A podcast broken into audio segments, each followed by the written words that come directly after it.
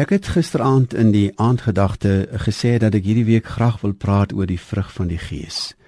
Maar nou nie asof dit goedjies is wat ons aan onsself kan plak en as dit ware vir 'n dag lank mooi lyk nie want ons dra nou hierdie ene nie.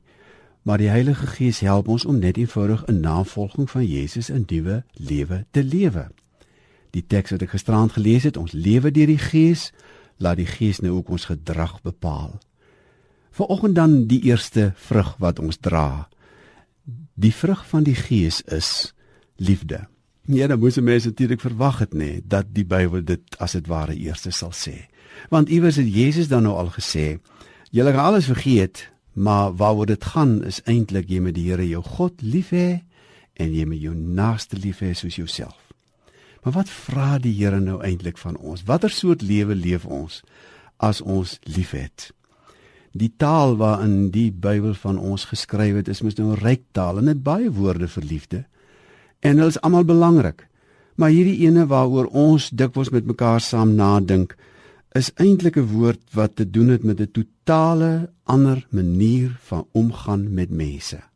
Iemand sê dit is respek vir die menswees van 'n ander mens. Dit gaan daaroor dat jy net maar nooit dit maak nie saak al of jy die reg het om jou te wreek nie.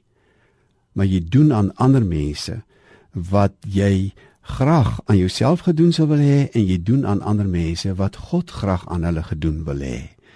Ek ek kan ek haal iemand anders ek sê dat maak nie saak hoe seer jy gekry het, hoe jy ook al verneder is nie. Maar jy wil nie dieselfde vir daai mens gee nie. Jy soek sy beste.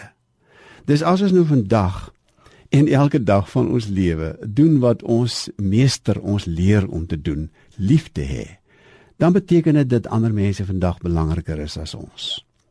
Ons gaan geleenthede soek om nie aan hulle te doen wat hulle aan ons doen nie, maar om aan hulle te doen wat God aan hulle wil doen. Hulle lief hê, hulle sorg, hulle respekteer, vir hulle omgee en hulle beste gaan soek. Mag ek nou hier aan die begin van hierdie nuwe dag vir jou toebid. 'n dag waar jy regtig waar vir ander mense sal respekteer omdat hulle net sulke mense is soos jy en ek. Respek vir die menswees van 'n ander mens vat die hart van die liefde saam. 'n Mooi dag vol liefde vir jou.